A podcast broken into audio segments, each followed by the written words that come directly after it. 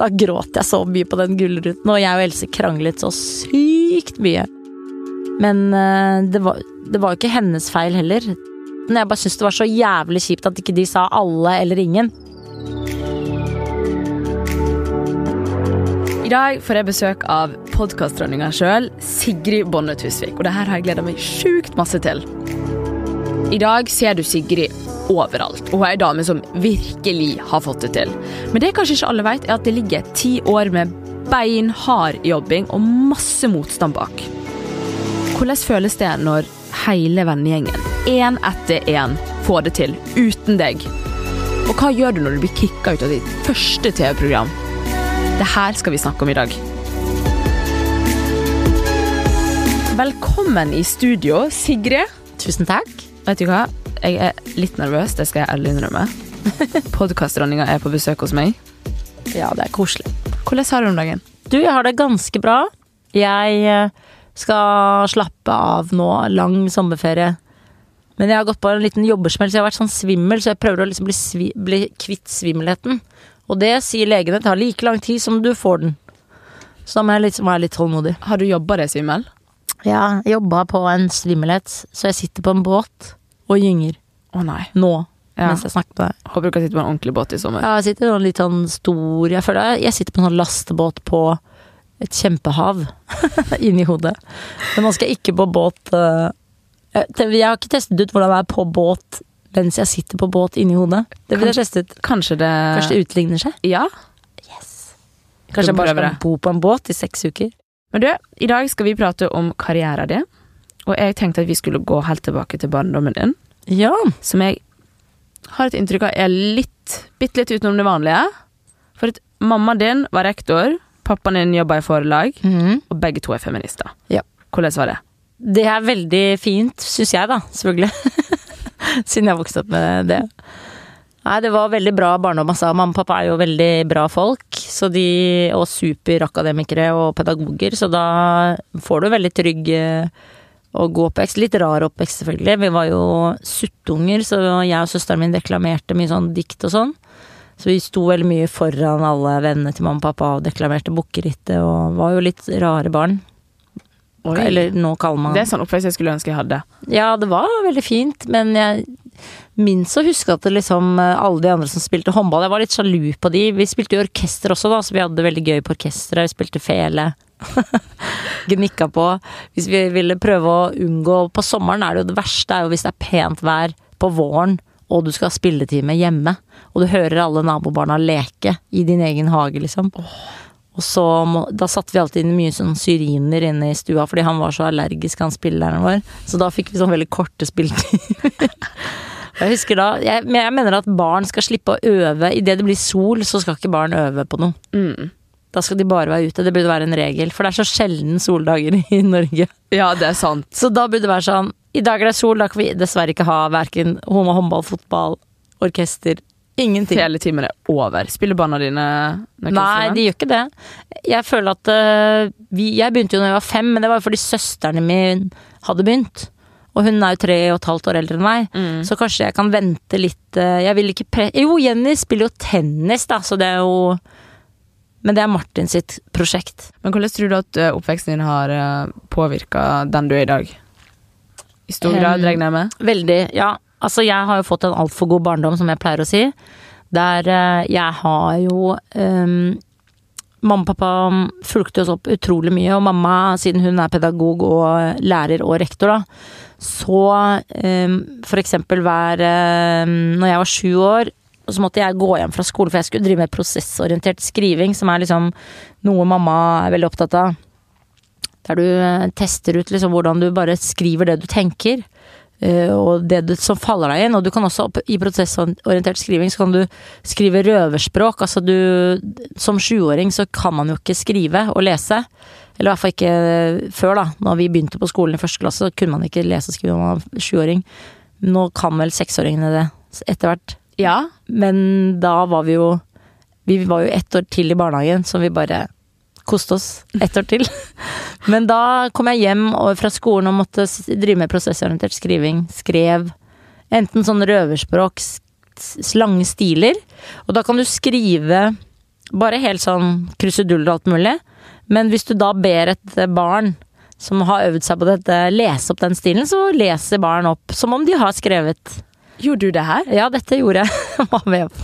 Oi. Um, og mamma leste opp da disse stilene, de, og så begynte jeg å kunne skrive da etter hvert.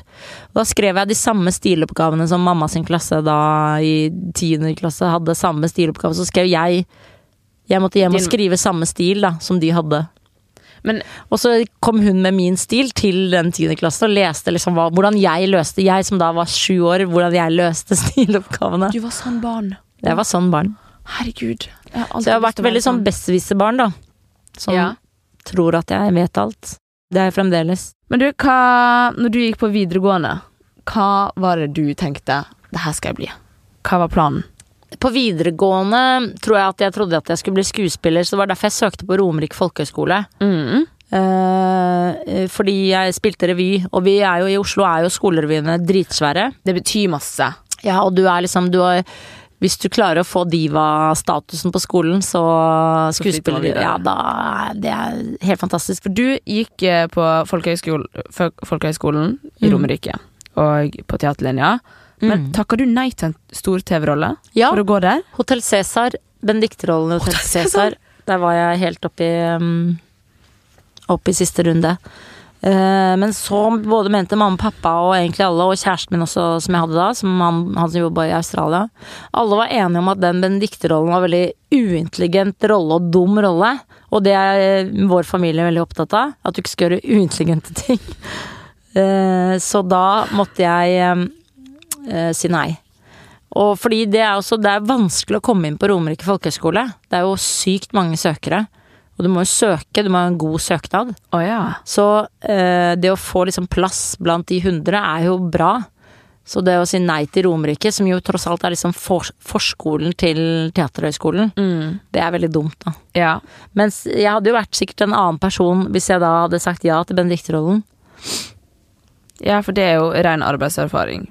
Sånn Ja, og hun jobbet jo Hun jobbet jo lenge som det, Ingrid. Mhm. Ingrid jobbet jo med det i fem-seks år. alltid Sju år, kanskje.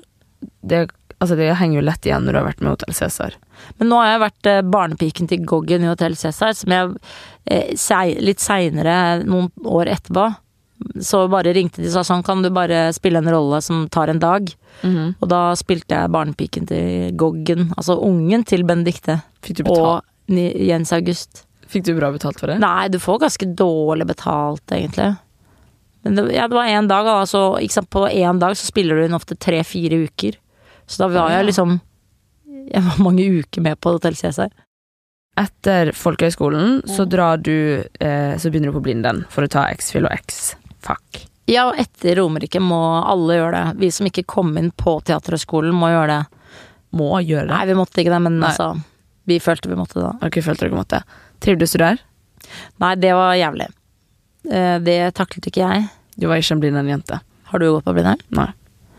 Tror du at du er Blindern? Du hadde kanskje kost deg. Du koste deg i ditt eget selskap. Så du hadde kost deg. For det er det som er med Blindern, er jo at du, du er alene. Ja. Liksom på et kjempeområde. Og du er ganske jeg- sosial. Ja, jeg vil ha en gjeng liksom rundt meg som jeg kan være meg selv i. Mm. Så jeg taklet ikke liksom den mengden mennesker der alle Det er ingen sier hei, liksom, og alle bare ja, går på. Ja. Med en eller annen sånn indre driv som man ikke helt skjønte. Jeg skjønte liksom ikke helt hvor jeg skulle på Blindern. Men fullførte du? Ja, jeg tok X-Fil og X-Fac, Ja. så det har jeg i bånn. Det er litt deilig at du har det. Nå. Jeg vet det. Det er held, heldigvis. Men så gjør du da en helomvending og begynner på Westerdals. Ja. Da har jeg jo bodd i Frankrike først. Ja. Så dro jeg til Frankrike plutselig etter å ha tatt eksamen i og X-Fac. Så, og så gjør jeg jo det mye dårligere på eksamen enn søsteren min, siden hun er den smarte i familien. Så da alle er litt sånn sure for at jeg ikke har fått levd, som det heter. Jeg fikk ikke levd. Og da Men så jobber jeg som korrekturleser på Dagbladet, og så sier jeg til alle de jeg eh, har så lyst til å studere fransk, jeg har så lyst til å lære meg fransk. Jeg hadde to i fransk, og det irriterte meg, for jeg er helt sånn sikker på at eh, at jeg bør kunne snakke fransk. Men jeg var så redd for eh, læreren min, Yves Boutreau, som var så skummel. Han hadde sånn fransk system på videregående. Han sto med en sånn tennisball, og så liksom kastet han ballen til deg, så måtte du ta den imot, og så skulle du bøye et verb, eksempel. Å, herregud! Så jeg følte både var gym og fransk i samme greie. Og, du, og så delte han ut alle prøvene etter hvor dårlig du var, så da bare sånn Sigrid død! Og da fikk jeg alltid to, ikke sant. Så, og vi var tre-fire jenter som var så redde. Som bare Hva er det for noe? Drive Og og vi kaste rundt det var tennisball i klasserommet? Ja, og han var så streng. Han var sånn Han hadde sånn ak akkurat sånn fransk skolesystem. Egentlig så er jeg glad for at jeg hadde opplevd han, da, siden jeg begynte da å studere fransk med fransklærere som har sånn fransk skolesystem. De er jo, de er jo frykt eh, Var det her som fikk deg til eh, Frankrike, det semesteret? Nesten. Det var altså da X eller X-Fac som fikk meg til å dra til Frankrike, fordi jeg tenkte jeg kan ikke være på Blindern. Så da meldte jeg meg opp på eh, Hva heter det? Sosialantropologi. For da kunne du få studielån, og så trengte du ikke å gå på studiet. systemet. Ja, det tror jeg ikke man kan gjøre lenger. I gamle dager var det veldig lett å både lure Nav og Blindern. det er vanskelig nå. Lærte du fransk? Ja, da gikk jeg jo et halvt år i Frankrike og var med i kor, var med i teatergruppe, var med i og leste jo da fransk. Venninna mi fra Taiwan, hun ble forelsket i, i læreren vår, Gail. Gail.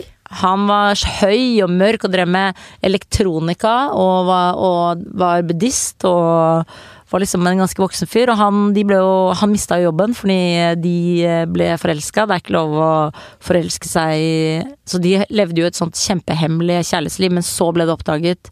Han mista jobben, og de er gift den dag i dag og har barn og bor i Paris. Og hun jobber for eh, Saint Laurent eller noe sånt. Kødder Og han er rektor på en eller annen ungdomsskole og hater livet sitt. Men du dro hjem igjen. Jeg drar hjem. Det er 2003, du er student og i starten av 20-åra, og du begynner med standup. Ja, jeg begynner jo med standup eh, fordi Henrik, min eh, da beste venn, som jeg og Henrik Thodesen, vi har jo da vokst opp sammen. Gått i parken, kjent hverandre siden vi var to år. Gått på på ja. barneskole og ungdomsskole, Romerike, og så Westerdals sammen. Har du ikke vokst opp samme sted, da? Mm, to gater unna. Ok. Så vi er liksom en liten uh, gruppe, jeg og Ja. Henrik. Og så uh, Henrik begynner med standup, samtidig som Henrik og jeg lager Blymandag. Mm. På Blindern, faktisk. For Henrik går på Blindern og tar litt hvitt. Okay. Så da eh, driver han med Blymandag med noen to jenter som også tar litt hvitt. Og så slutter de to jentene, og så spør han kan du være med og, ta, og lage Blymandag med meg. Han begynner med standup. Og så begynner jeg også med standup, for jeg kommer og ser så mye Henrik eh, gjøre standup. Og så begynner Jonny Kristiansen å mase. Kan ikke du også drive med standup, da? Ok. Men så eh, ruller det og går. var du kjæreste med han da? Nei. Nei. Så blir vi kjærester. Ja, vi blir vel kjærester sånn cirka 2002-2003. Blir vi kjærester. Å gud. I Romla. Der rumler det litt. Ja, det er lov. Jeg må Men- gå og hente en banan etterpå. ja. Men Jo, da blir vi kjærester mens vi driver med standup eh, sammen, og han begynner på Westerdals. Men Ett husker, år du, under meg. ok, husker du da første gangen du sto på scenen? Ja, eller altså på standup-scenen. Ja, for For jeg hadde jo sånn gjort alle de- underground eh, eh, Det blir mandag. Ja, Blymandag var jo veldig undergrunns. Ja. Og da hadde vi jo Vi var jo liksom romerikinger, ikke sant, så du står jo på en scene hele tiden, og vi Jeg hadde jo drevet med barneteater og jeg hadde en sånn barneskolelærer som pusha meg veldig på barneteater, så jeg var liksom Jeg var veldig scenevant, og jeg var suttung, så jeg hadde jo stått og deklamert dikt hele livet helt fra jeg var fem år. Så jeg er ikke noe redd for folkemengder. Nei. Men, eh, men eh, standup er jo mye, mye verre enn noe Liksom, du kan ikke du kan ikke tenke deg hvor jævlig det er, liksom. Det er det jævligste du kan gjøre. Ja, det Og du jævlig. sier det? Oh my god, for jeg tenker jo bare det er det verste yrket Ja, man det er det kan verste ha. yrket. Det her, men det er jo også liksom Det er det som er det narkotiske. Det er som, en, som om det er en narkis. Det er som at du liksom Du eh, får, du får så jævlig rush. Du får sånn amfetaminrush, tipper jeg, da. Hvis, jeg har ikke prøvd amfetamin. Men, eller sånn kokain. Den derre selvtilliten din som bare vokser fordi du klarer med én mikrofon å få noen til å le av akkurat den vitsen du selv har skrevet. Det er ikke et manus du leser, du, er ikke en, du spiller ikke en rolle, du har ikke parykk, du har ikke noe kostyme, du er bare deg. du har laget det helt selv, og du har tenkt dette er morsomt, jeg tipper at det er morsomt. Og så kanskje har du prøvd det tre ganger, så er det ikke morsomt. Og så plutselig liksom tredje, fjerde, femte gangen er det morsomt. Samme, Ja, samme, vits vitsen. som du tenker det må Jeg er helt sikker på at dette er, det er et eller annet her, det er et eller annet her. Og så plutselig så finner du en eller annen sånn Det er helt sånn magisk.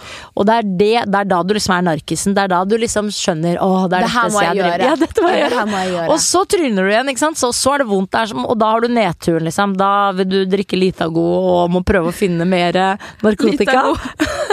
Veldig spesifikt her. Ja, men alle narkomane må ha litt Litago, for da må du ha sukker. Oh, ja. Så da er det Da må du ha så, Eller vi, da. Vi komikerne drikker ikke så mye Litago, men da drikker vi sikkert bare alkohol og er lei oss. Og så prøver vi, prøver vi, prøver og så kommer du deg opp igjen til eh, der du vil være, og så går du ned igjen. Det er jo det som er kunsten, er liksom at også de største tryner. Altså, du kan se din aller største helt på standup, og den personen tryner også. Den dagen, herregud. kanskje. Og det er jo det som er helt fantastisk med standup, fordi det er kun for samtiden. Og det elsker jeg. Det er så ferskvare. Det er sånn humorferskvare som ikke bør filmes, liksom. Det bare bør oppleves på en klubb, og det bør være en skitten, mørk klubb.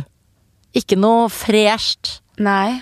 Det bør være lite sted. Det bør være toppen 200 stykker som bare opplever dette her og nå. Det er det som er vakkert med standup. Men når er det du forstår at en vits er bra? Er det når du står på scenen, eller når du, når du øver hjemme? Hvem øver du foran? Du kan øve foran speilet, og du Det er liksom egentlig at du møter komikerne backstage og begynner å si at ja jeg tenker at det er morsomt, er det gøy? Og så begynner alle å hjelpe deg, på en måte. Ja, det er gøy, kanskje du skal si det og det og det.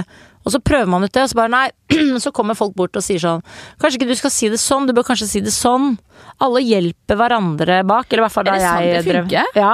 Og, og så noen er jo helt nazi, sitter bare hjemme og skriver selvfølgelig, og kommer og er eh, Dagfinn Lyngbø, liksom bare leverer gull med en gang. Mhm. Men eh, det vakre er jo liksom å se Bård Tufte Johansen også tryne litt.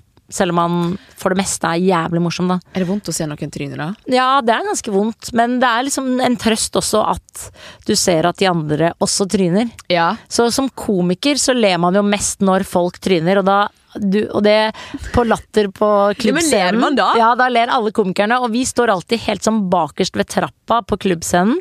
Og der er det sånn ståbord, og der står liksom fire-fem komikere. Og av og til når du da tryner på scenen, så er det såpass liten sal at du hører, du hører sånn fem lattere. Nei! Og da vet du sånn Og du gjør jo det selv òg når de andre tryner opp på scenen, så du vet at eh, du vet liksom at ondskapen Du må tåle ondskapen, og det er det jeg også tåle elsker. ondskapen. Jo, men det er noe jævlig kult at det er så hardt. Ja. Og så er det så vanskelig. Men Og så er det dritgøy. For jeg, jeg, jeg må bare Hvordan funker det? Du drar en joke, og så får du ingen respons. Er det det? Ja, da er det da du dere står og ler hekselatter Ja, bak? Og så er det også, ikke sant, hvis du begynner å slite og begynner å snakke om at du sliter, og sånn, så begynner komikeren bare å le le- le mer. Og så ofte er det jo, hvis komikeren har sett deg hele uka på Latter, eksempel, og så bommer du på vitsen. Da begynner alle de komikerne å le, for da merker de ha-ha, nå bomma du på vitsen. Og nå skal vi sjekke hvordan du kommer deg ut, av den vitsen. Men du ler jo ikke av helt nye, eksempel. Gjør du ikke. Du står ikke og ler av en som har vært oppe i et år. Nei. Det gjør du ikke. Nei. Så du ler av de etablerte, eller liksom øh, og him altså, jeg elsker jo den mobbingen fordi den alle er innforstått med at alle skal baksnakke alle. Det Ja. liker jeg veldig godt, for jeg hater jo å bli konfrontert med hvor ræva mennesket er. Så jeg vil jo mye heller at folk At du går ut nå og baksnakker meg til VG, ikke si til meg hvordan jeg er. Det her syns jeg er så deilig, for jeg syns det er ganske deilig å øhm, Ok, ja, å baksnakke. Ja, Kan vi Kan liksom, kan vi ta en skål for det? Sånn, ta det er så deilig å bare kunne snakke ut om ting. Det er jo det. Og så hvorfor må man si det til den personen det gjelder? Kan man ikke bare si det til de andre? Altså ikke få sånn rykte på seg at du baksnakker. Ja, men da bare sånn Ja, og jeg er veldig lojal på det òg. Mm. Men ok, um, jeg må bare spørre, har du noen gang drept deg skikkelig ut på scenen? Ja ja, altså vi gjør jo det hele tida. Ja, men sånn skikkelig eh, min, Gjør det aldri vondt? Er det sånn tenker tilbake på en kveld og bare Åh, det der var liksom mm, Traff ikke. Jo da, du gjør det ofte. Men du har jo eh, du har, har du hatt soloshow? Du har, Nei, har jeg har aldri hatt soloshow. Nei. Det er liksom neste trinn er soloshow. Det, det er neste trinn. Men du har jo hatt veldig mange show med Lisa. Ja, nå har vi hatt to show, store show. Og så har vi jo veldig mye liveshow, da. Mm. Så nå har vi hatt to store show, så nå tenkte jeg egentlig å ha soloshow. Fordi Lisa har jo vært Tordenskjold, så da Ja. Nå er det din tur til å skinne. Ja, eller altså, jeg føler jo at Tusvik og Tønne kan fortsette for eksempel å ha live podkastshow selv om jeg har soloshow. Men eh, nå gikk jeg jo på den smellen da med å bli svimmel, så jeg tenkte kanskje det var litt dumt å lage et soloshow idet kroppen sier nå skal jeg eh, ned for telling. Er du svimmel nå, liksom? Ja, jeg kommer sikkert til å bli svimmel sånn ved tretiden. Det er, det er ofte da jeg blir svimmel. Det er så konkret, altså. Ja, det er litt irriterende, fordi jeg tenker jo at jeg, jeg har gjort veldig mye narr av sånn Jeg parodierer Mette-Marit fordi hun er så blodfattig og ikke orker å gå i en trapp og sånn, uten å være krumbøyd. Altså, jeg har gjort veldig mye narr av at kvinner ikke lytter til kroppens signaler, og nå Karma-poengene bare smeller meg i fjeset og sier In your face, ikke kom her og snakk om Snakk ned kvinner på denne måten. Da blir du svak kvinne selv. Så nå må jeg eh, lytte til kroppens signaler, for ellers så vet jeg at jeg er dum, da. Sigrid, vi spoler litt framover. Ja. Fordi at ikke så veldig lenge etter Westerdals så får du jobb som reporter i P3 Morgen. ja. Hva er det du husker best fra den tida her? Ja, eller først så får jeg jo jobb som tekstforfatter for Anne Lindmo og Per Sundnes i Store Studio. Oi! Der Anne Lindmo har jo et stort, stort nettverk av kvinner som jobber i P3, for hun har jobbet i P3 før.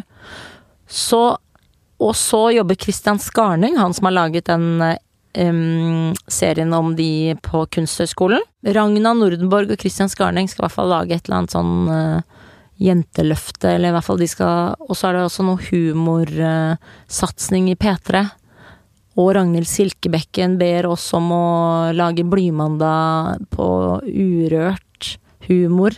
Mm. Så det er veldig mye sånn greier som skjer i P3 der de trenger nye folk. Og da kommer liksom hele gjengen inn, da. Hele Blymandag-gjengen kommer inn i P3 etter hvert. Okay. Så Henrik, Else, jeg, Siri Kristiansen Vi er liksom mange fra Westerdal som havner inn i P3 på en eller annen måte. Så Blymandag går skikkelig bra. Ja, Blymandag går, er jo undergrunnsshowet der det kommer bare flere og flere. Til slutt er vi jo liksom 450 i salen som, eh, som står og ser på Blymandag, som vi spiller da annenhver mandag først, men så blir det så mye at vi spiller bare første mandag i måneden. På fabrikken, og fyller hele fabrikken. Det, er, det blir bare større og større. Mens vi da jobber i P3, og da jobb, lagde jeg jo masse eh, små P3-programmer. Med Trine Solli lagde jeg for eksempel Og jeg bare og han bare. Else og jeg lager et program som het Tjukkas. Altså det var veldig mye sånne små sommerprogrammer. Men også da være reporter i P3 Morgen, selvfølgelig, som da er veldig gøy, for da jobber du sammen med Bjarte Tjøstheim og Alexander Skau og liksom alle de Og Steinar Sagen, alle de P3-folka som du liksom bare har hørt om, da. Eller Steinar kjente jeg fra før, men eh, de andre var liksom kult å møte. Når du da hadde utdannet tekstforfatter, var det gøy å få jobb innenfor Ja, så du, jeg mista jo jobben i Store Studio, og det er alltid litt fælt. Du mista den? Ja, da husker jeg Alice Ree, kona til Anders Giæver som jobber her i VG, måtte da si sånn Kan vi møtes på Damplassen? Nei. Og da følte jeg sånn Nå mister jeg jobben. Og så sa hun sånn Vi har ikke plass til deg mer i redaksjonen fordi vi skal ha nedskjæringer. Og så tenkte jeg ja ja. Og det var så synd, fordi det var så jævlig gøy å jobbe med, med Anne Lindmo og Per Sundnes, og særlig Per Sundnes. Altså, han fant på så mye gøy på jobben. Og det var sånn Det å plutselig jobbe med en som er sånn rampete i en kjempeseriøs jobb. De lager liksom et kulturprogram, og Per Sundnes er så rampete.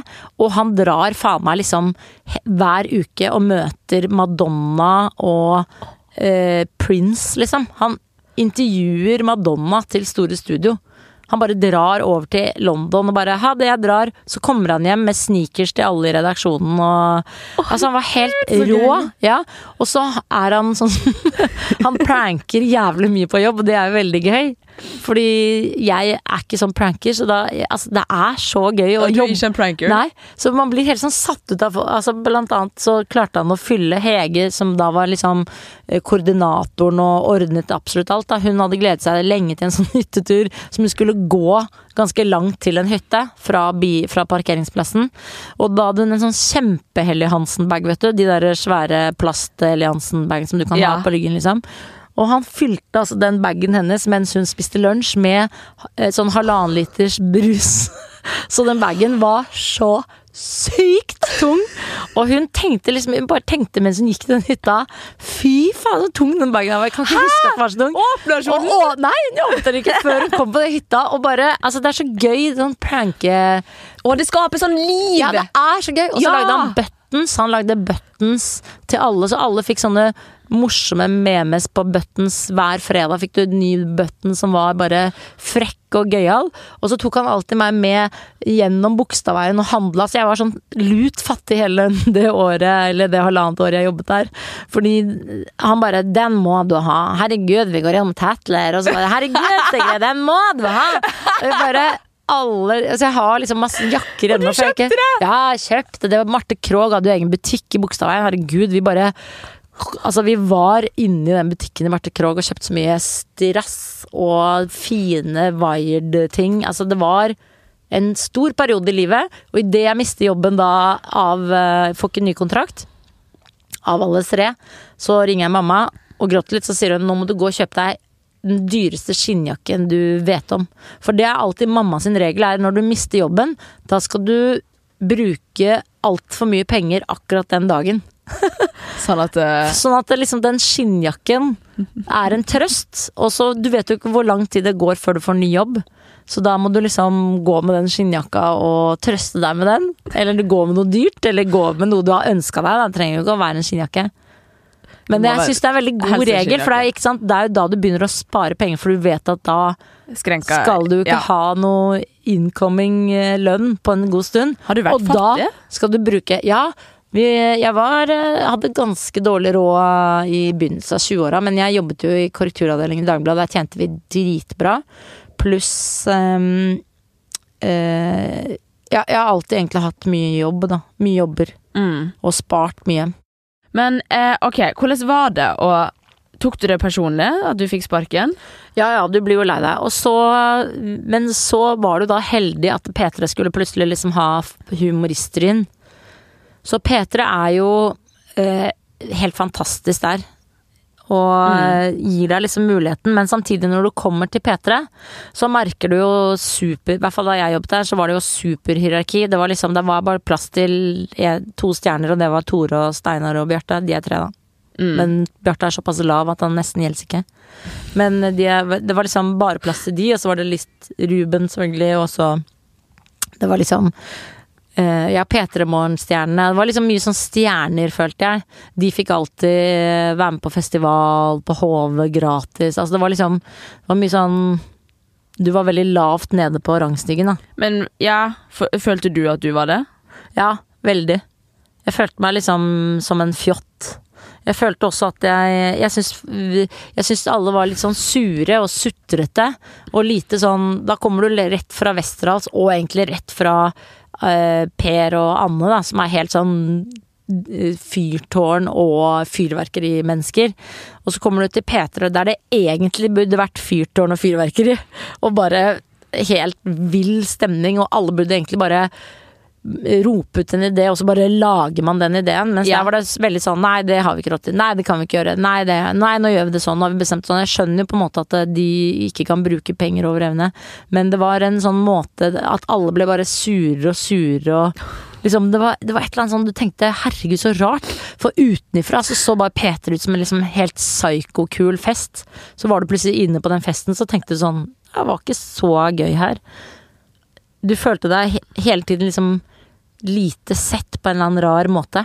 Vi fortsetter videre. Du begynte å jobbe i TV 2 etter P3 Morgen. Ja, jeg ble jo da eh, Fikk jo da Først så fikk jeg tilbudet om å være den nye Kristoffer Einsfeldt skulle slutte i Topp 20, der eh, Niklas Carli var programleder. Uh, så fikk jeg den rollen, uh, og skulle begynne som det. Og hadde én sending med Niklas Carli, der jeg liksom satt blant publikum og sånn, og så skulle vi liksom ehm, ja, begynne med det. Men samtidig så fikk jeg da tilbud fra Rikets Røst i TV 2 om å være reporter der, og de ville veldig gjerne at jeg skulle jobbe fremdeles i P3. Mens jeg jobbet som eh, Rikets Røst-reporter. Hvorfor det? Eh, Fordi det var bare en sånn endagsjobb, egentlig, der du skulle ut på opptak, og så skulle de skrive manus. Ok, Uh, Så de gjorde ikke noe til å jobbe ved siden av? Nei. Så de var egentlig De sa liksom vi vil helst det. Mm. Mens for P3, når jeg da spurte sjefene, så var det helt uaktuelt. Det var liksom Det, det gikk ikke av. Altså, det var nesten som at jeg liksom sa sånn ja, altså var, De reagerte helt sånn eh, med avsky og eh, raseri, fordi jeg da akkurat hadde fått av den derre eh, reporter... Nei, eller liksom den jobben i Topp 20, og jobbet i P3. Så da sa sjefene at jeg var det mest uprofesjonelle mennesket de hadde jobbet med, og Hæ?! skulle aldri mer få lov til å sette mine bein i NRK igjen. Har du satt dine bein på NRK igjen? Ja, ja. Ja, Året etter. Men du har ikke jobb? Du har ikke to år senere, var jeg tilbake i P3.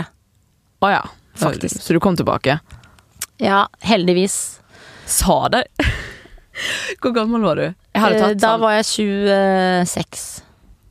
Altså hadde, hadde noen stått fram for meg og sagt sånn det der, Du er det mest uprofesjonelle mennesket jeg jobber med, så hadde jeg gått i kjelleren. Ja, ja.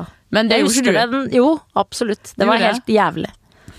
Og pluss at jeg følte meg veldig urettferdig behandlet fordi uh, jeg selv, liksom, De bare lo når jeg sa sånn, men Atle Antonsen får jo lov til å lage Kommisjonen på P4 og jobbe i NRK. Jeg skjønte liksom ikke De bare ja, men du kan ikke jobbe i en kommersiell kanal og jobbe i NRK. Men så bare liksom, men det er så mange frilansere som gjør det, og så var det bare sånn Sammenligner du deg med Atle Antonsen? Bare sånn Nei, jeg gjør ikke det. Jeg bare prøver å si at det er flere komikere som gjør dette. Og det var så frustrerende, fordi TV 2 var helt supergreie på det, mens P3 var helt sånn rasende. Og jeg skjønte ikke hvorfor. Jeg liksom tenkte hvorfor, hvorfor er Og i disse dager, da. Der hvor, der hvor alle skal gå på kontrakter, Mm. der hvor nesten alle vil bare ha frilansere, så hadde de jo sikkert sagt det er helt i orden. Ja. Men det var jo positivt. Det, det betyr at jeg eh, satte pris på deg. Når noen blir liksom reagerer på den måten ved at du har Mm. lyst til å jobbe et annet sted òg. Tenker jeg, da. Ja, pluss at P3 følte sikkert at de hadde løftet meg veldig. Mens jeg følte jo ikke det i det hele tatt. Jeg følte jo at alt jeg gjorde, hadde jeg gjort sjøl. Du var Ikke du var ikke så Så jeg ja. føler jo at uh, alt, du, alt du gjør som komiker, gjør du på en måte se, Alle ideene er fra deg, alt er liksom Mens P3 føler at de har gitt deg muligheten. Så der er det jo fullstendig krasj når du er en selvsikker komiker og sier det er jeg som har fått meg hit, mens P3 sier det er vi som har fått deg hit. Mm. Og så begynner jeg i Rikets Røst på TV 2, som tross alt har 850 000 seere. Eh, ja til det? Ja. Det måtte jeg jo. Det var Norges største humorprogram. Faen, så fett. Altså bortsett fra Bård og Harald, liksom, da, men uh, det var det største humorprogrammet du kunne være med på. Og Espen Eckbo jobbet der. Henrik Elvestad. Zaid Ali. Alle jobbet der. Så det var liksom Det var det. Og Otto Jespersen, da, selvfølgelig.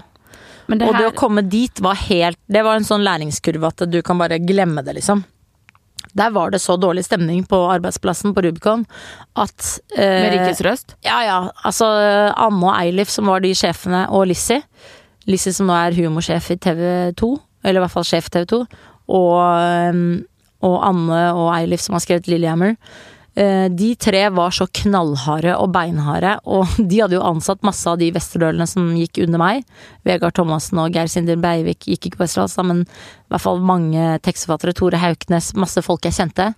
De bare jobbet som sånn hamstere. De bare var inni det hjulet og bare jobba, jobba, jobba, jobba, jobba etter pipa deres. Og det, det er jo liksom I ettertid skjønner jeg hvorfor man må gjøre det sånn, fordi de har 850 000 seere og er Norges største eller TV 2s største humorprogram, da. Shit. Og det var jo tross alt Otto tente på det amerikanske flagget, han brant Bibelen. Altså han gjorde så Altså du kan bare glemme liksom provoserende ting vi gjør i disse dager.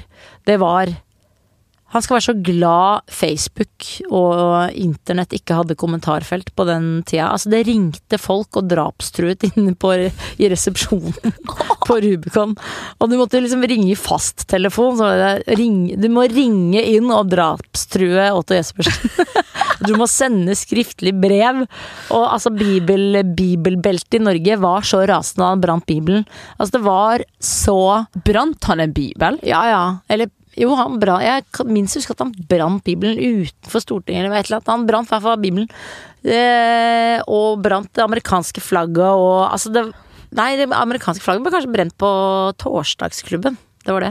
Men Bibelen ble brent på Rikets Røst. er nesten sikker på. Et eller annet han gjorde i hvert fall på Rikets Røst som var psycho man. Men du jobber jo eh, Så han var jo vant til fra torsdagsklubben selvfølgelig å, å bli drapstruet. Men i det ettertid, når jeg selv har blitt drapstruet, så har jeg faktisk tenkt litt på hvordan Otto Jespersen har stått i, eh, i stormene sine, da. Som en ganske sånn stille brumlebass. Men der var det knallhardt. Det var Der var det liksom utskjelling av Eller det var sånn Alt er dritt, var holdningen. Alt er absolutt dritt til eh, det motsatte er bevist. Og de lo ikke før du liksom hadde gjort akkurat det du skulle. Og det var jo sykt vanskelig. Du skulle møte folk. Du skulle være utegående reporter. Du skulle møte folk på f.eks. Storo shopping. Og så skulle du få dem til å si akkurat den setningen som vi trengte for at det skulle være et morsomt innslag. Og så skulle du liksom på en måte Altså, det var så vanskelig, men det, det var så bra å jobbe i Rikets Det var så hard læringskurve, og også liksom Ja, du likte det. ja, eller, det, ja, det var i hvert fall veldig, veldig Ja, det var jævlig kult, på en måte, da. Du jobbet med, på en måte i Norges svar på The Daily Show. Men du jobber jo bare her ett år før du blir kicka ut og erstatta ja, av, ble, jeg ble erstattet av Pia Haraldsen. Ja. Fortell. Pia Haraldsen skal de jo ha inn fordi um, hun eh, Hun er jo da den nye prinsessa i Norge, liksom. Hun har vært i dåpen til Ingrid Alexandra i rosa kjole. Og um, eh, gjort et eller annet annet først, tror jeg. Og så vil de ha henne inn. Fordi de vil jo ha henne som Samantha Bee i The Daily Show. Minst jeg husker det var hun som gjorde det. Nemlig å liksom lure Lure folk til å Altså lure folk på å liksom si sånn Ikke sant, eh, homofili er eh, en sykdom, og så skal liksom ekspertene si ja, det er en sykdom. Ja. Altså hun skulle bare være dum, og de skulle liksom Og hun skulle misforstå alt, og ja. De prøvde det med meg på ett intervju eh, der på Zoologisk museum, der en forsker hadde laget en, em, en utstilling om homofile dyr. Og så skulle jeg liksom stille veldig sånn homohatende spørsmål, som skulle få den forskeren til å liksom tenke ja Altså, humoren skulle være at jeg sa dumme ting. Mens jeg Det ble liksom ikke noe bra Jeg fikk ikke det til. Mens Pia Haraldsen, ikke for å si at hun er dum, men hun fikk utrolig bra, det veldig bra til, da. Hun, og hun var jo Bedre enn deg. ja, mye bedre enn meg, og spilte mye bedre rolle, selvfølgelig. Så jeg ble jo kicka på huet og ræva ut, og det husker jeg også at Anne Bjørnstad da bare Hei, kan vi ta en kaffe? og da, når sjefen sier kan vi ta en kaffe, da skjønner du at du skal bli sagt opp. Okay. Du blir alltid bare sagt opp av kvinner, det er sikkert derfor jeg hater kvinner. Eller var det menn jeg hatet? Faen, jeg glemte. Men var det her Altså, hvordan var det å se programmet uten deg? Um, hva når sa du? Når du har blitt, når du har, har blitt erstatta på den måten her. Hvordan var det å se Rikets Røst uten deg? Ja, det var jo litt hardt, fordi akkurat da jeg mister jobben i Rikets Røst, det er rett før jul i 2008, eller nei, 2007, så har vi jo da eh, eh, planlagt å lage Blymandag på TV, på TV Norge, med Seafood. Altså Espen Eckbo sitt eh, produksjonsselskap. Ja. Så hele Blymandag-gjengen sitter liksom på møte med Seafood og skal Drømmen er å få det på TV. ja. Og det sitter vi og jobber med, da. Med Alexander Herresdalen. Men eh, dere får jo eh, til. Nei, det får vi ikke til. Nesten. Fordi eh, problemet er at eh, Thomas Giertsen har samme plan, men med Morten Ramm. Eh, som også da er med i, i Blymandag. Eh, han ringer Morten Ramm og sier kan du være med på Jeg vil lage et humorprogram. Morten Ramm sier ja, det er en god idé. Så vil Morten ha med Else, så liksom først så sier Morten på Seafood jeg kan ikke være med i dette Blymandag-programmet på TV Norge fordi eh, jeg skal lage et program med Thomas Hertzen. Ok, sier vi. Vi, vi klarer oss uten Morten Ramm, liksom. Vi er jo fem medlemmer av Blymandag. Mm. Men så sier Else jeg kan heller ikke være med i Blymandag eh, på TV Norge, for jeg skal lage program med Morten Ramm. Å nei, da skjønner dere det. Og så Nei, jeg eh, skjønner det fremdeles ikke. Men så kommer Odda og sier det samme. Jeg kan heller ikke være med i Blymandag på TV Norge, for jeg skal lage et program med Morten og Else. Og det som er eh, rart nå, er at da sitter Henrik, Martin og jeg igjen i eh, Og da er Henrik og jeg fremdeles sammen. Mm. Eh, vi sitter igjen i eh, liksom på Seafood og all- Martin hvem? Martin Beyer-Olsen. Ok. Vi sitter liksom alle tre og tenker ok, da blir det litt annen type program, men vi kan jo lage et humorprogram for det. Mm. Så vi liksom sitter og diskuterer et litt sånn annet type program. Mm.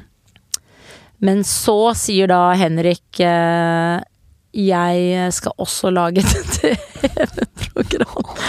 Så da er det bare Martin Beyer-Olsen og jeg igjen. Samtidig, rett etter jul, så slår Henrik opp med meg, så da har jeg på, Fy faen! på, på tre måneder så har jeg da mistet jobben i Rikets Røst. Eh, mistet TV-program som jeg trodde vi skulle lage på TV Norge. Og det er slutt med typen. Og det er slutt med typen. Fra, november, fra liksom november til januar skjer dette. Og da faller jo hele på en måte min store oppadgående kurve faller bom i bakken. hva følte du da? Når alle blir håndplukka ut til et uh, lignende TV-program. Utenom deg. Nei, det var helt forferdelig krise. Og det, vi samles da på Hell's Kitchen for å diskutere dette, fordi På jeg Hell's Kitchen? Ja, der satt vi veldig mye. Og da, der har vi liksom Der sitter jeg og gråter og er helt uh, fra meg. Fordi jeg liksom følte at åh, nå hadde vi det Nå var det rett før vi skulle lage Blymandag på TV. Og så kommer liksom Thomas Hertzen og bare plukker én og én ut. Hvordan var det? For det her var jo vennene dine òg. Den Ja. gjengen som blir plukka ut. Hva var det de sa til deg? Var det sånn, Følte du utafor? Jeg Eh, hadde tatt det her veldig tungt. ja, jeg tok det veldig tungt. Ja.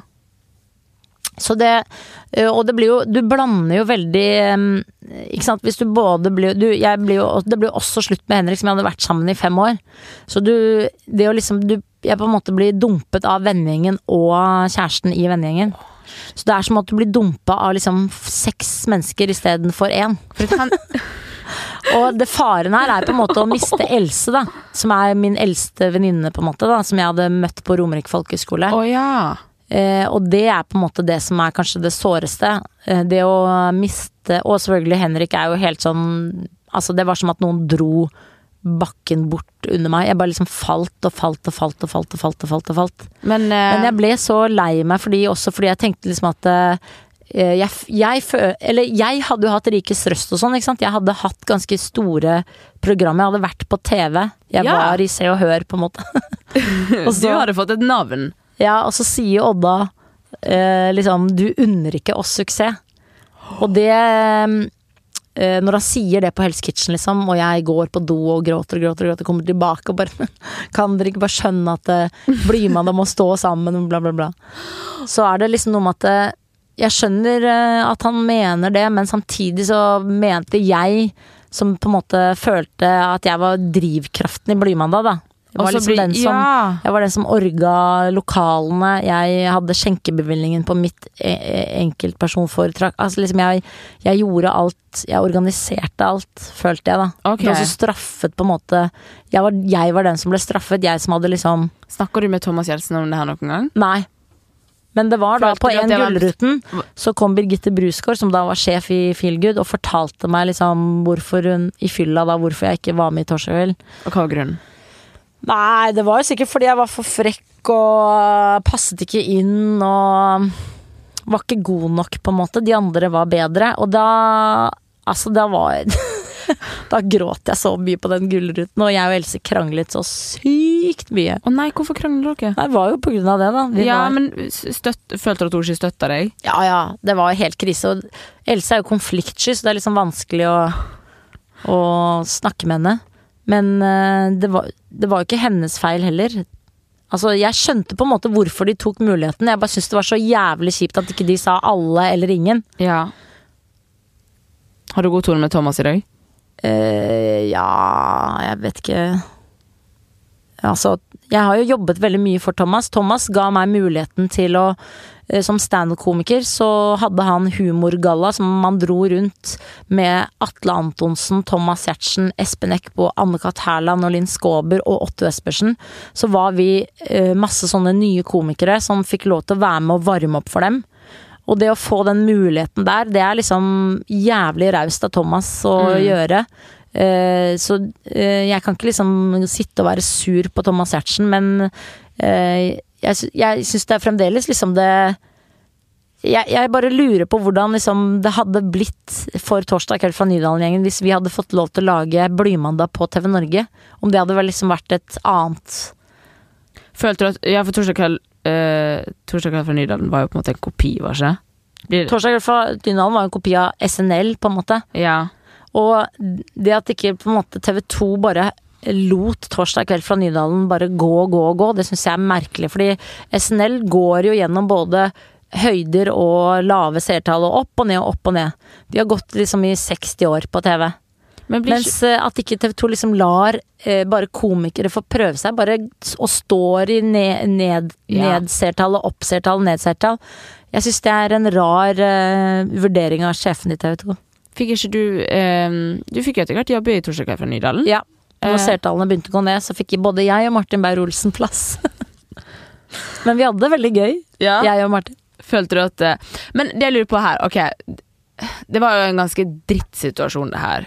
Hvordan røyste du deg fra det? Bare fortsatte du? Tenkte bare sånn Nei, nå må jeg bare gunne på. Nei, da kom jo den harde perioden. Da har jeg jo dyp, dyp kjærlighetssorg, da. Som varte i to og et halvt år. hadde, hadde du skikkelig kjærlighetssorg? Ja, ja. Ja. Helt sånn Altså, jeg tror den vennegjengen min var så lei av meg og hvor skral jeg var. Jeg var skral og Jeg gikk liksom ned åtte kilo på to uker. Jeg var bare helt skjør. Oi. Jeg var bare helt sånn fugl. Fugle... Men var det kjærlighetssorg. Var det blanding med at uh... Så flytta jeg hjem til mamma og pappa, bodde der et halvt år, kjøpte egen leilighet på Grønland. Følte liksom at det hjalp litt, men jeg var bare oppe hos mamma og pappa hele tiden. Ja. Hvis du kjøpte en egen leilighet. Det er fint å gjøre noe Skulle jeg liksom øve meg på å være alene, men det gikk ikke så veldig bra. Nei. Det er det når jeg ser deg på Instastory, så tenker jeg liksom du er veldig god på å være alene i leiligheten din. Det er veldig bra. Jeg er jo altfor masse alene. Ja, men det er fint det, å kunne Ja. være alene. Ja, men jeg savner jo å liksom um, For jeg, jeg blir veldig sliten av å være med mange. Det er sånn, Kan ikke ha overnatting for lenge, eller liksom sånn. Um, så jeg blir veldig sliten. Men jeg skulle jo ofte ønske at jeg òg digga sånn som deg, og bare være med folk og bare gjøre ting og liksom være overalt. For sosialkapasiteten min er ikke så høy, da. Nei. Men det er veldig deilig. mm, Altså Man får jo masse ro til å jobbe og være med seg sjøl. Ja. Men det er fordi du er for dårlig til å slippe deg løs. Ja, det Fordi er det. Hvis du hadde hatt en gjeng som lot deg være ræva, så hadde det vært bedre. Og det er det jeg liker med Blymandag-gjengen, hvis jeg kaller dem det. Mm. Er jo at eh, alle får lov til å være ræva. Alle kan liksom drite seg ut i fylla uten at det gjør noe. Uten at noen Ja. tenker over Det er liksom ingen som ringer og sier sånn 'herregud, hva drev du på med i går?' Hvis ikke du tar det opp selv. Ja. Og det liker jeg. Jeg liker den gjengen som ikke Jeg liker en sånn gjeng som er bare ruller og går, og som ikke liksom tar ting så nøye, da. Ingen, ingen snakker om hvem du er, på en måte. på herregud, en sånn feil måte. Ja, oi, men det, det gir sinnssykt mening. Det at jeg må slippe meg løs. Ja, Ja. det er litt viktig. Shit, nå fikk jeg tips Men da er det viktig å, å ha folk rundt deg som ikke pirker på at du slipper deg løs. Ikke sant? Det å liksom Du vet de gangene når du er helt sånn Helt sånn sommerfestfri, liksom. Mm. Bare strekker armene opp uh, i været og klatrer over gjerdet til Frognerparken og bader uten at liksom noen skal lage et nummer av det Uten at du skal tenke var det teit. Ja. Det verste jeg vet er å lure på Var det litt teit det jeg sa? Ja, det må man Det ikke. gidder jeg ikke. Nei. Men du, vi får jo se det på TV igjen. Sigrid søker kjæreste. Ja, før det så er jeg jo med på Wipeout og Sangstjernen på TV3. Som jo er på en måte litt tunge ting å være med på, men som jeg alltid må minne folk på at jeg har vært med på. Fordi det er viktig å vise at man også er med på mye trash. Og jeg mener jo at det var veldig riktig av meg å gjøre på den tiden da jeg lå nede.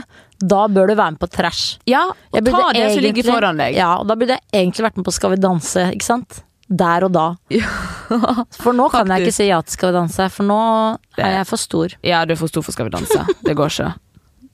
Nei, Nei, det går ikke. nei det går ikke. Det, Men det var ikke litt gøy å være med på Wipeout, da? Jo, da ble jeg venn med Sinnasnekkeren, Otto Ropsam og masse andre gøyale folk. Og det var utrolig gøy eh, å dra til Buenos Aires, være der i ti dager. Og bare liksom Altså, jeg elsket Buenos Aires, og, det var, og Anders Hoff var der nede, for han var jo reporter eller sånn kommentator og sånn. Og Synnøve Skarbø var der. Altså, det var det var kjempegøy, så det gjorde ingenting, liksom. Fordi jeg hadde jo ikke noe liv. Så jeg eh, Så bare her var der nede. Ja.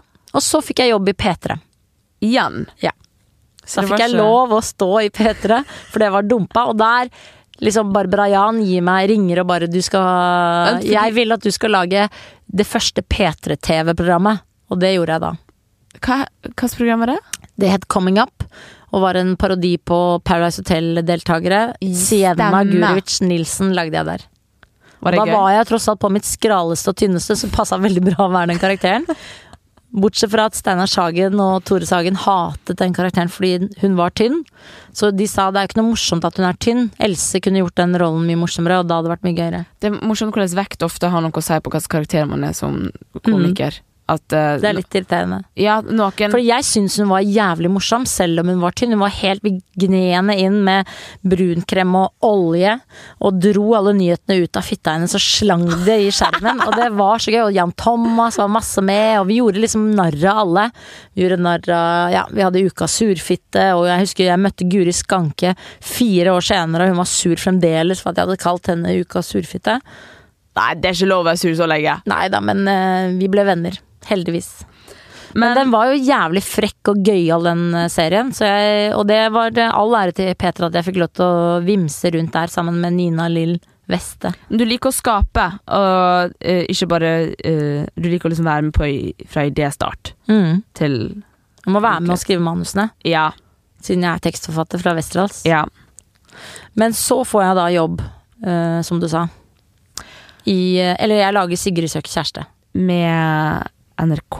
Med NRK3. Ja. Og da lurer jeg på Når du lager det her programmet, du skal finne deg kjæreste. Var målet å lage TV, eller var målet å finne kjæreste? Eh, da var jo Da hadde jeg jo holdt på med Martin Jøndal, som jeg nå er gift med, eh, et halvt år, og så hadde han sagt at eh, jeg vil ikke ha kjæreste. Jeg er ikke noe interessert i kjæreste. Det var liksom i november, husker jeg vi satt på Oslo Mek, og jeg hadde på meg en sånn selekjole og en stripegenser, og så tenkte jeg han sier sikkert dette fordi jeg ser så barnslig ut og stygt kledd.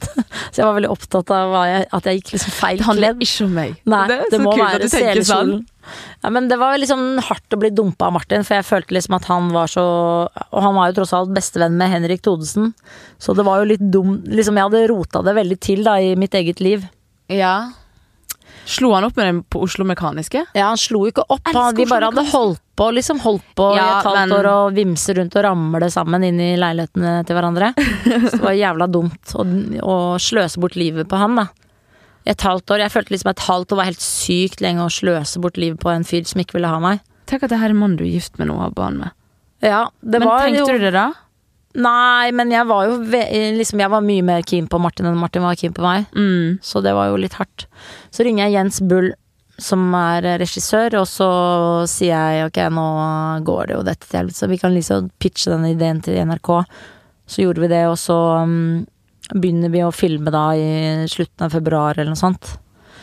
Og da, da i, i, um, i 2010. Så da er vi liksom uh, ja, da begynner vi å lage sukkerprofiler, og vi flørter med utrolig mange. Det var veldig mye jobb, da. Sitte i redaksjonen og liksom svare på hundrevis av eh, Eller liksom chatte med menn som vi ville bruke på TV. Så du Mm. følte liksom at du måtte være si sånn Jeg lager et TV-program, men jeg vil ha kjæreste. Jeg ville ha kjæreste. Mm. For det var like så greit å bare begynne å date folk. Liksom komme over Martin og alle de rufs eh, jeg hadde drevet på med. Mm.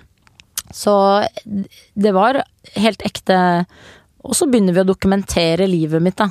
Så er, alt er liksom sant. Uh, Jeg har den første festen hjemme med der jeg skal si til vennene mine liksom, i leiligheten min på Grønland at nå skal jeg lage dette prosjektet. Og så kommer Odda og har drasset med seg Min store frykt er selvfølgelig at Henrik skal dukke opp i programmet. For du har Fordi jeg har lovet meg selv at Henrik aldri skal sette sin fot inn i min leilighet på Grønland. Det var det aller viktigste. Og da splittet jeg hele vennegjengen, sånn at eh, på 17. mai for eksempel, så arrangerte jeg 17. mai-frokoster, og den eneste som ikke var bedt, var Henrik, og det var ganske kjipt. Så du var fortsatt venn med hans venner, Ja, og det gikk fint? ja da, alle taklet det. Jeg var jo, jeg lagde Blymandag med Henrik og alt mulig, men eh, men da, da er jo de på toppen av sin uh, Tina Bettina-periode. De er Var det vondt å se ekskjæresten sin gjøre det bra? Nei da, det gikk faktisk bra. Ja. Fordi karrieremessig heier jeg på Henrik og alle hele tida. Mm. og han hadde jo kjæreste da, så da var jeg på en måte over Henrik. Det tok et år å Ja. komme over Henrik, men det var dumt å rote det til. Jeg lå jo med veldig mange i vennegjengen. så jeg var liksom litt uh, rufsete Er der i ikke det gøy? Jo da, det var gøy det. Og så, så derfor så sier Jens Bull eh, vi må jo ha en gammel flamme med, sier han. Og så sier jeg sorry, ass, men alle de gamle flammene har fått seg kjærester, og det er bare Martin, og han vil jo ikke være sammen med meg. Mens Jens bare Det er noe interessant med Martin. Og så i den festen med det opptaket, så tar Odda med seg Martin. Så tenker jeg bare er det fuckings jævla mulig? Jeg vil ikke ha han inn her. Men samtidig så blir jo jeg da helt Jens ser jo i øynene mine at liksom Martin kommer inn i det rommet helt på, på slutten av den festen. Og jeg bare haha, nå er Martin her, liksom. Og hva skjedde da? Nei, da filmer vi at jeg står på kjøkkenet og bare Nå har Martin kommet inn på denne festen, liksom. Hva er oddsen for det? Var du over han? Nei, nei, ikke i det hele tatt. Men jeg, det var liksom Jeg visste jo at han ikke ville ha meg, så jeg måtte bare jobbe han ut av hodet. Det er så rart å tenke på. At han bare sånn avslutta det, og nå er du ikke gift, liksom.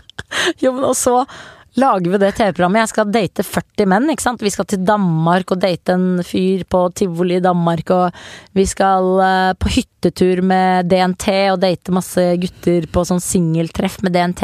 Vi gjør alt det som single kan gjøre, da. Du- vi er på er så- sukkertreff på, Kosmopolitt, på Kosmopolit. Det er liksom 1000 mennesker, single mennesker møtes. Og du liker å date. Du er sånn jente. Nei, jeg er ikke dater-jente, Er så jeg hadde det? aldri gått på date. Jeg hadde helt angst og totalt panikk og gruet meg hele tiden.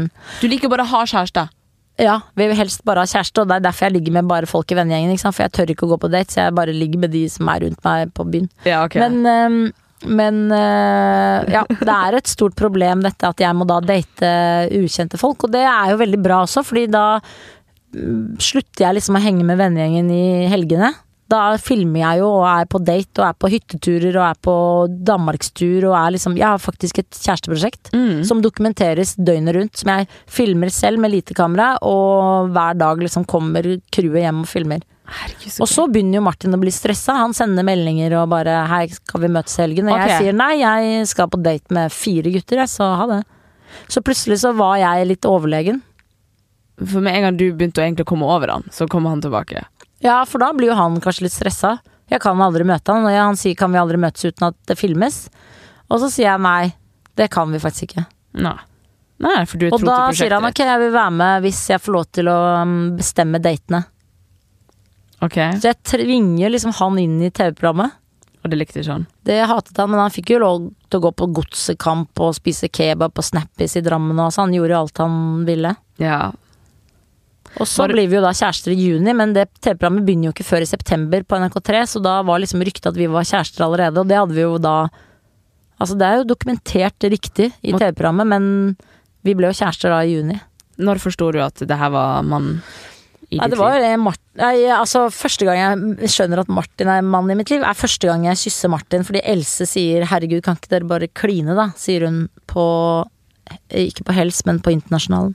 Herregud. Og idet jeg kysser Martin, tenker jeg bare fytti gata, dette er ikke bra. Dette er eh, far til mine barn, tenker hjernen min. Du tenkte, tenkte det da? Ja, ja, jeg tenkte åh, dette blir et helvete. Herregud. Det var veldig, veldig Tenk det, da. Lukten liksom av Martin var bare sånn Dette er mannen, og nå har du driti deg ut fordi Er han er kompis med eksen, og dette er bare tull. Det, jeg hadde jo heller tenkt at det er litt gøy, da. Ja, det, Nei, men du var vel jeg var bare over? liksom redd for at det skulle bli Og det ble jo, ble jo vims og vams. Ja, men det ordna seg til den dag i dag. Han er mannen i mitt liv. Jeg vet det 110 per A. Per A prosent. Shit, herregud. Dere er som skapt for hverandre. Og da føder jeg jo et barn på TV, tross alt, med Martin Mm. på TV 2. Hvordan er det å utlevere så masse? Nei, Det går veldig bra, det har ikke jeg noe problem med. Nei. Pappa var veldig skuffet over den fødselen på TV 2. Han sa at det var filmet feil vinkel. Det er jo filmet fra siden. Så du får ikke forløsningen forløsningen hodet. Han mente hodet. du burde vært filma rett inn? Ja, Okay. Burde filma rett inn, og, og han var i hvert fall skuffet at man ikke filmet at man må føde morkaka etter at barnet kommer ut. Han sa en fødsel er mye mer grisete enn det du filmer. Du ljuger på TV hvordan en fødsel er. Feil framstilling? Ja. Snakker han sånn? ja. Sånn som jeg gjør? Mm. oh, ja. Nice. Han sier 'er du helt idiot, det var ikke det du skulle gjøre, du skulle vise en ekte fødsel'. Sa jeg beklager. Unnskyld for det. Unnskyld. Det er jo eh, Veldig mange kjenner deg fra podkasten Tusvik og Tønne. Dere prater jo altså helt fritt om alt og alle. Har dere noen gang måttet klippe bort noe? Bare når Lisa forteller hvor ekstra nøkkelen henger i huset hennes. Jeg kunne det. Jeg føler dere inn Dere var starten på podkast i Norge. Var dere det? Jo. Eller Alex og Fridtjof er de første. Ja. Men vi er på en måte Vi, vi startet med mye nedlastninger, da. Mm, ja. Hvordan er det Vi startet i hvert fall en sånn trend med å snakke fritt i en podkast. Ja, men folk liker det. Og folk liker at folk er ærlige. Mm. Og og dere baksnakker jo litt i poden òg, bare Mhm. at det blir jo på en måte ikke baksnakking. Vi har baksnakket deg. Nei, det, nei, det var ikke baksnakking. Nei. Blikket mitt. Frøys helt. Har dere baksnakket meg? Nei. Nei, altså, vi har snakket om deg. Jeg Men vi har jo løst det problemet. Du og Lisa holdt på, jeg løste det på en eller annen måte. Å, stemmer, ja. ja. Det var først for ganske lenge siden dere prata med. Jeg husker ikke hva det var for noe. Og så svarte jeg på en instapost med broren min. Ja. Og så møttes vi på min første kjendisfest i Oslo, på Ja. Kjendisgallaen, og jeg har altså de verste bilder. Hvor var du? Så du? Jeg tror du sto ved siden av og så på at jeg og Lisa hadde fotoshoot. ja. Da, da var vi så sørpefulle. ja, Eller- dere var så drita. Ja, det var rekedansen Det var egentlig bra at dere var. Ja, ja. Det, sånn gjorde man når man liksom sånn Det gjorde jeg, da. Når jeg var så ung. Null fylleangst dagen etter. Ja, det er bra. For det, er det jeg mener du skal fortsette med. ja. På Kjendisgalla, i hvert fall, som er er hel helvete på jord. Alle de verste menneskene skal møtes. Da må du på en måte kjøpe den pakka. Du må Ja. aldri tro at det skal bli en hyggelig dag. Du må gå inn på Kjendisgallaen og tenke 'dette skal bli jævlig', og jeg skal være like jævlig som denne festen ja! her. For ellers så blir du så skuffa.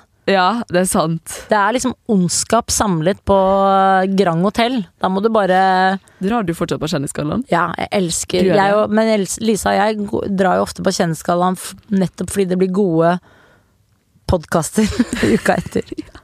Dere er litt ute på jobb, dere, da. Ja. Hvordan ser en vanlig arbeidsdag ut for deg nå? Nei, det er jo mye møter, da. Jeg ofte liksom skal ha standup for eh, firmaer, så da må du møte firmaer. Mm. Og så er det kanskje en podkast her og der, og så er det uh, et intervju, kanskje. Så jeg prøver liksom å si ja til alle. Det, var, det er kanskje litt dumt, det er sikkert derfor jeg er svimmel. Så nå må jeg begynne å si nei. Ja, det har vært litt masse. Fordi jeg føler liksom at hvis en westerdøl spør om noe, så skylder jeg på en måte en westerdøl å også si ja. For jeg husker at jeg gikk på Westerdal, så elsket jo de gangene man spurte om noen, noen som var liksom større enn deg, om hjelp, og så sa de ja, så ble man så glad. Mm. Men nå var det noen som spurte om jeg kunne filme et Jon Fosse-dikt, men nå, jeg, nå har jeg egentlig tatt ferie, så jeg liksom tenkte, burde jeg ikke da bare ta ferie? Og så var jeg dårlig samvittighet da i mange uker for at jeg liksom ikke sier ja til dem. Nei, det skal ikke du ha. Nei, enig. Nå må jeg ta en litt sånn lys her. Men eh, har du en øh, Jobber du selvstendig? Er- Selger du deg sjøl inn for folk, eller blir du Nei, det er først og fremst Stand Up Norge som booker eh, standup-jobbene mine. Da. mm, Og så eh, Lisa og jeg eh, gjør jo veldig mye sammen. mm. Og så er det jo alt fra liksom, og- Det er mye sånn gratisjobber, og så er det mye store jobber. Mm. Så du må jo bare go with the flow, egentlig. Ja. Og så er det jo de at jeg skriver hver fjerde uke i Dagsavisen, og så ble jeg drapstruet i mellomtida. Ja, at, Og så stunte jeg litt sånne stunt der og der. ja, at du har jo stått i en god del stormer. Kronikkene dine om abort, metoo, feminisme har jo tatt av. Og senest i januar, var det ikke? Så fikk du en drapstrussel på Ja. privat SMS. Ja. Og den må jeg faktisk lese opp. Kanskje på tide at du holder kjeft angående ting du ikke har noe med. Veit hvor du bor og har både kniv og hagle. Du burde holde deg langt unna opptreden. Offentlig opptreden. ja. Hvilke tanker er det som går gjennom hodet ditt?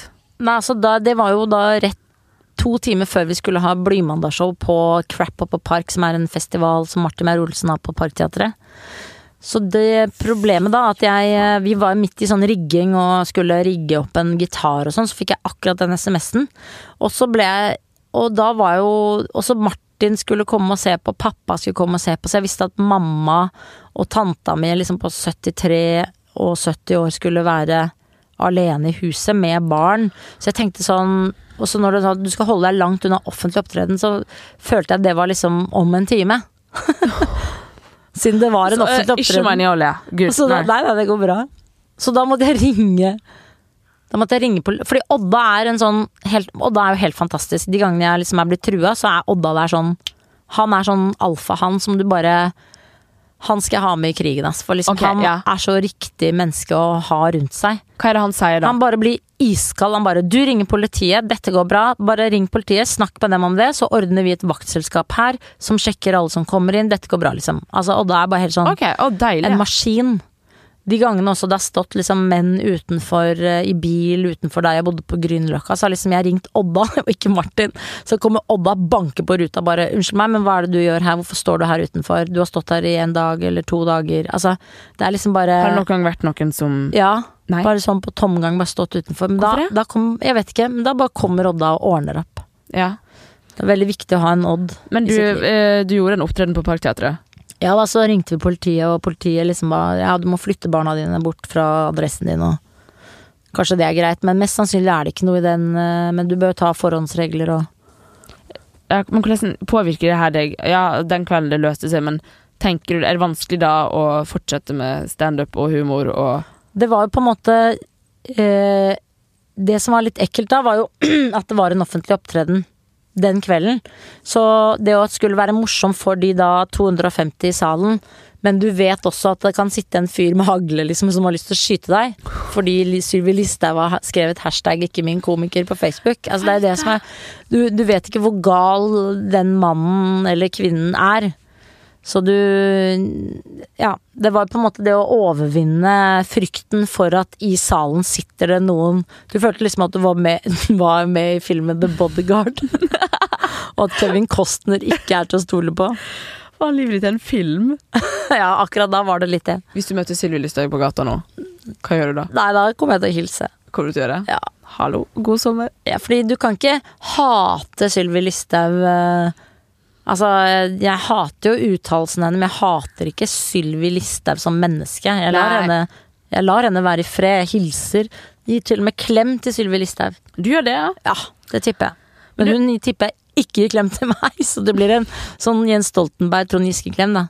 Og den ene klemmer, og den andre sier ikke, ikke. Ja, og så blir klemmen sånn hard. Ja, ja. Du vet, sånn sånn vestlandsklem kaller jeg det. Ja, det er Ja, vestlandsklem! ja, vestlandsklemmer som klemmer bakhodet, sånn dunk.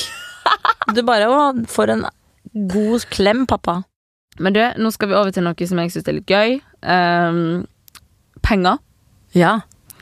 Penger er veldig gøy. Hva, hvor stor drivkraft er penger for deg i jobb? Ganske stor. Jeg har jo frykten for å bli fattig, da. Eller frykten for å ikke ha nok penger, så jeg drives veldig av det. Ja. Og det er utrolig deilig at jeg kan sitte her med en voksen kvinne som liksom bare sånn Du er jo økonomisk sikker. Ja, men jeg er redd for å bli fattig. Eller jeg er ikke Altså, jeg ser ikke ned på fattige mennesker, det er, det er ikke det jeg prøver å si. Jeg er Nei, nei. bare redd personlig for å ikke ha nok penger. Men eh, kommer det av at du alltid har hatt eh, Du har jo egentlig vært frilans hele livet ditt. Ja, Nesten. så det er sikkert frilanssykdommen som er Du vet aldri hvor lenge du er på topp, eller eh, hvor lenge du får jobben. Jeg har aldri vært fast ansatt noe sted, og som jeg har snakket om nå, så har jeg tross alt fått veldig mye telefoner fra sjefer som har sagt 'kan vi ta en kaffe', og da vet jeg at nå er jobben slutt. Og det å på en måte alltid, aldri ha hatt en fast jobb, da jeg har aldri sittet med en jobbkontrakt over et år, så ja. Eller to år har jeg fått av TV 2 en gang. Men når du, eh, helt fra du var ung av og begynte å jobbe for første gang, har du, vært, eh, har du tatt valg basert på penger? Er du opptatt når du går inn i et arbeidsforhold at Nei, jeg er ikke så opptatt av at jeg eh, hva jeg skal tjene, egentlig. Men det er jo Standup-komikere tjener veldig bra, da. mm, Når du har kommet opp i et visst nivå. Man tjener så masse på å være standup-komiker, Ja, du, har jeg med tida innsett. ja. Så vi tjener bra. Ja. Hva er det man tjener best på? TV, standup? Du tjener best på Ja, nå tjener jeg ganske bra på podkast òg, da. Det skal jeg si. Hva er det man kan tjene på Men Det er fordi podkasten deres er veldig, veldig veldig stor. Ja. Det hadde vært litt trist hvis Norges største podkast ikke tjente bra. Ja. Eh, men hva er det man kan tjene på en standup-opptreden? For det er sånn- Firmajobb kan du jo tjene ganske bra, så kommer det an på Du ligger i et system, liksom. Mm. Bård Tufte, Atle Antonsen, Pernille Sørensen, Dagfinn, og de er størst. Hva- og Anne Lindmo de, og Jon Almaas. De tar sikkert sånn 140 000 da, for en Standup for en- konferansierjobb. Og hele køtten går til deg? Nei, det går jo 20% da til de som booker. Ja. Det er masse penger!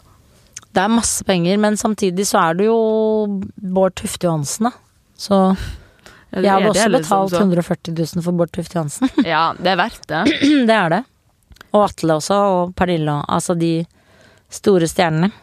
Hva tjener du? Eh, hvert år. eh, Nå har jeg tjent ganske bra i år, tror jeg. Jeg tjener jo flere millioner. Det er flere millioner, ja. Ja. Du er miljø... Tjente kanskje tre millioner i fjor. Jeg vet ikke. Da jobber du jo hele tiden, da. Og så er det jo turneer og I fjor var det jo da Eller i, fjor, i forfjor og i fjor, så var det liksom I forfjor var det Tusvik og Tønne. Da jobber du hver kveld, ofte dobbelt show på Latter. Mm. Uh, og så er du turné, og da er du hver helg eh, over et halvt år borte. Ofte fra torsdag til søndag. Så da er du Det er på en måte prisen eh, Det å få de millionene, og de, de får du ikke hvert år. Du har ikke en jobb der du tjener tre millioner hvert år. Så, så tjener du dårlig et år, og så tjener du bra igjen, og så Og så vet du jo at eh, bølgen Du skal nedover på stigen. Mm. Så det er jo noe med at eh, du forsvarer på en måte de millionene med at disse er ikke en fast jobb. Ja. Altså jeg er ikke, liksom, jeg er ikke sjef i Equinor og tjener Jeg har ikke noe fallskjerm langt der borte. Nei, jeg er så redd for ikke å tjene penger, jeg. Ja, Jeg er så er, redd. du tjener jo bra du òg. Ja, ja, jeg er fortsatt redd. Det er fordi vi er frilansere, og så vet du vet jo også at du tjener penger på noe du er liksom på, på deg. Og når du er 40, så kan det hende at du er annerledes. Du føler at du bør tjene penger nå. på deg selv På meg- akkurat nå. Å være sin egen merkevare, sant. Er derfor jeg ringer mamma og sier at legetimene mine bør kunne skrives på foretaket. Fordi at eh, meg sjøl må pleies. Så det er sånn Man burde skrive tannlegetimene og alt mulig. Ja, ja. For å kunne smile på bildet. Ja. Hva er det du treater deg sjøl med Men når eh, jeg skal ikke klage på denne nydelige Dette gode livet jeg lever akkurat nå, da. Nei. Og du elsker det du driver med. Ja. Men hva er det du treater deg sjøl med når uh, lønninga kommer? Når du har tjent godt? Det er jo Maldivene-tur. uh, Nesten har vi jo hatt hvert eneste år nå i to år, kanskje tre år. Mhm. Det er veldig dyrt og flyskammessig forferdelig. Og også menneskerettighetsmessig. Maldivene er jo et forferdelig menneskerettighetsbruddland. De, Så da må jeg egentlig slutte å dra dit. de brente jo en 13 år. 20, ja, ja, de brente Ja. Og de De har jo satt fyr på en fyr som kjempa for homofile sine rettigheter. Ja, og piska en jente som var misbrukt av sin far. Altså de Og de er jo det landet med størst IS-krigertetthet. Ja. Så kanskje unødvendig å dra til det landet. Det er synd. Og det er veldig patetisk å dra til Maldivene på en måte nå når man vet at snart synker Maldivene omtrent. Det er ikke lenge Eh, til. Fordi det er så global oppvarming, og du har globalt oppvarmet kloden for å dra dit før det synker. Altså, alt er feil med Maldivene. Alt er feil! Alt er feil. Så det er jo min store den Den store treaten min er også den verste. Ja. Og jeg vil bare ha sagt at eh, det er sikkert irriterende for folk å høre på sånn, fordi man liksom tenker ja, hvorfor drar du dit, hvorfor sitter du og tuller om det? Men jeg mener hardnakket, og det er litt sånn eh, Tusvik og Tønne-lov. Det er nettopp at du skal si det høyt. Ja, du skal enig, ja. si at du skammer deg over å dra til Maldivene. Du skal si høyt hva du tjener. Det er ikke for å skryte, og det er ikke for å liksom klage, men det er veldig god øvelse å si ting man skammer seg over. Det burde alle øve seg på. Å si høyt 'tenk at jeg bruker så mye penger på å dra til Maldivene med så mye flyskam og et så forferdelig land'. Det bør man ikke gjøre. Og det å si det høyt, det er en veldig sunn ting å klare. Man realitetsorienterer litt mer òg, da. Absolutt. Hva er det sykeste Hva er det villeste du har kjøpt? Kjøpt Mm. Altså sånn Sånn eh, plagg, klesplagg, eh, møbel Altså, hva er det når, Ja, det er jo den tatt franske kommoden min er jo veldig dum. Den kjøpte jeg for 8000 kroner i en bitte liten eh, fransk by som heter Villecross. Og så skulle jeg få den tilsendt til Norge, og så glemte jeg liksom at det tar litt tid. Fra en bitte liten landsby til eh, Oslo. Hva kosta den? Det kostet, den kostet 8000 å kjøpe, men så kostet det jo 9000 å få den hit. Så den ble jo altså helt sykt dyr. Jeg har vært hjemme hos deg. Hvor, Den franske kommoden, det er den jeg har fylt med Den er den hvite kommoden med sånne brune skuffer. Men hva står rom sto den i? Den står i stua eh, med en svær grønn plante på. Å ja, ja, ja. Husker det. Og der er det bare stappfullt av bare rusk. Den var fin, da. Den er ganske fin, Men men, eh, kronglete kjøp. Ja, og veldig dyrt kjøp. Og helt merkelig egentlig å gjøre. Veldig dumt. Man må ikke kjøpe et møblement til så mange Ble den sendt på sjøen, liksom? Den ble sendt, sendt med lastebil fra en bitte liten landsby og opp til Oslo, liksom. Altså det var Og det, det kostet 8000 da å bringe til Oslo, så kostet det 1000 kroner å bære opp i leiligheten på Grønland. Det, det tok Fra videregående til, no, eh, til din første ditt første TV-program, så tok det ca. ti år. Eh, ja. Det tok ganske lang tid før du fikk ditt eget TV-program. ja. Men altså mitt e aller eneste eget eh, program, ja. Hvordan beholdt du motivasjonen? Nei, det var Hvor jo kom den driven fra? ja, Det er ikke noe drive. Driven er at du må gjøre det, de mulighetene du får, og så må du liksom være tro mot deg. Så du kjenner jo med en gang i magen 'dette kan jeg gjøre eller ikke gjøre'. Ja. Så det er jo bare å gjøre alt du får lov til å gjøre, og også gjøre litt tingene du tenker 'dette er kanskje ikke så lurt, men jeg gjør det likevel'. Ikke vær så nøye, er mitt eh, mantra. Ja. Fordi det er bare du selv som husker eh, feilene dine. Du husket jo ikke at jeg hadde vært med på Sangstjernen på TV3 hvis ikke jeg hadde minnet deg på det. Nei, sant. Så du må liksom Du må bare gjøre dumme ting, og ikke tenke at det var så veldig farlig. Ja, har du noen gang tenkt på sånn at det her ødelegger mitt image? Ja, det sier jo for alle rundt meg hele tiden. Ja, og det, det synes jeg Det er så jævlig irriterende å høre på. Og det er sånn, Du kan ikke gjøre det, for det er feil. Så blir jeg sånn ah, men Da kan man ikke gjøre noe lenger. Nei. Så bare gjør alt. Ja, gjør alt. Gjør absolutt alt. Har du tenkt på å gjøre noe annet en gang? Du har jo øh, vokst opp i et akademisk hjem. Ja, mamma og pappa er veldig misfornøyd med at jeg ikke ble jurist, så jeg søkte jo jussen da jeg var 30 år. Men så søkte jeg liksom på det vanskeligste i Oslo. Kom du inn? Helt- Nei, heltidsstudie kom jeg ikke, men jeg kunne søkt deltidsstudie, da hadde jeg kommet inn. Men jeg søkte liksom nok- for å du- komme inn. Jeg orket ikke Altså, det tar jo syv år, og i hvert fall syv år. Men sånn at du bare kunne si til deg at du hadde søkt, i hvert fall. Ja. Tror du De er fremdeles misfornøyd med at jeg ikke er blitt noe, på en måte, men de er jo veldig stolte av karrieren min, da. Og de er veldig fornøyd med at jeg skriver i Dagsavisen. Når jeg sier til okay, dem ja. nå er jeg på en båt, det er svimmel, kanskje jeg skal slutte å skrive i Dagsavisen, så sier de det må du i hvert fall ikke slutte med, du må slutte med noe annet. Er det det de er mest stolt av? Ja, det tror jeg. De er mest stolte av at jeg klarer å skrive noe vettugt, ikke bare si noe grovt på en scene. Men hva med deg, da? Hvis vi ser tilbake på ditt vanvittig imponerende karriereløp, hva er det du er aller mest stolt av? Ja, Det er nok Tusvik og Tønne jeg er mest stolt av. Gøy. For det er ikke noen sjefer som har bestemt, det er ingen som har ringt og sagt vi vil ha deg hit eller vil, vil lage det. Og det tror jeg også provoserer mange, at Tusvik og Tønne liksom Ja, er så svært, og det er ingen som bestemmer over oss. og det er så enkelt er skapt av dere to. Ja. Det er bare to damer som preiker. Vi bare kjører på. Så lenge det er moro. Hva er det du aldri skulle ha sagt ja til? Jeg skulle ikke sagt ja til uh, uh, Nei, er Ja, altså Nei, trengte jo ikke være med på kanskje Sangstjerner og Wipeout og sånn, men eh, det var dødsgøy å være med. Og pluss at jeg liksom ble kjent med Charterfebersvein og Jon G Nei, Einar Gelius og Altså, det var veldig gøy. Det var veldig gøy. Tomme Sharif. Kanskje ikke skulle sagt ja til å vært med som underholdningen i Tomme Sharif når han skulle ha Jeg var jo underholdningen til Tommy Sharif på Firestjerners middag. Det kunne jeg sagt nei til. Hvorfor det? Vet ikke, det var unødvendig. Jeg tror de klippet det bort, heldigvis. Eller jeg vet ikke, jeg tror bare jeg er med inn, og så Ja, de har ikke hele med. Har du en drøm du har lyst til å realisere i nærmeste framtid? Uh, ja, det er soloshow bør jeg kanskje klare å lage, da. Det hadde vært gøy. Jeg håper det. Hva er det som hindrer deg? Er det tid, eller at du uh... Ja, det må liksom passe Det må passe. Ja. Har du liksom Det er egentlig at jeg er veldig redd for at ingen kommer. Du Det er det? på en måte det jeg er mest redd for.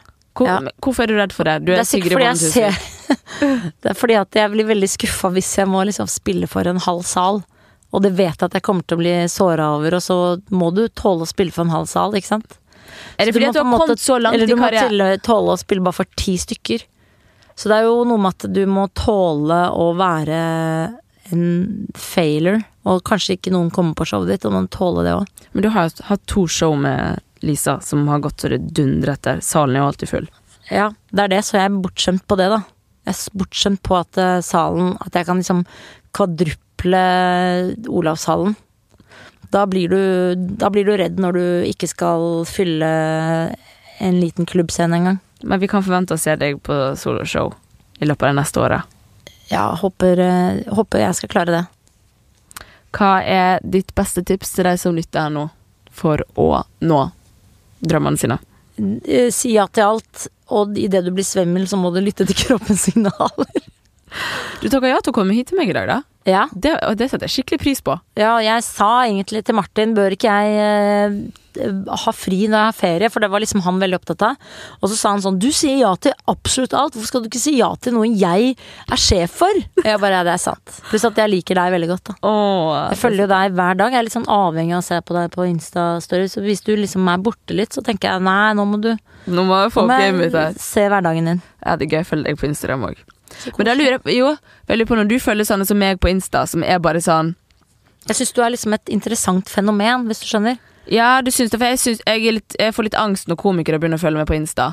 Fordi at jeg tenker sånn Nei, nå må jeg være morsom. For det, men det er ikke min, mitt image å være morsom.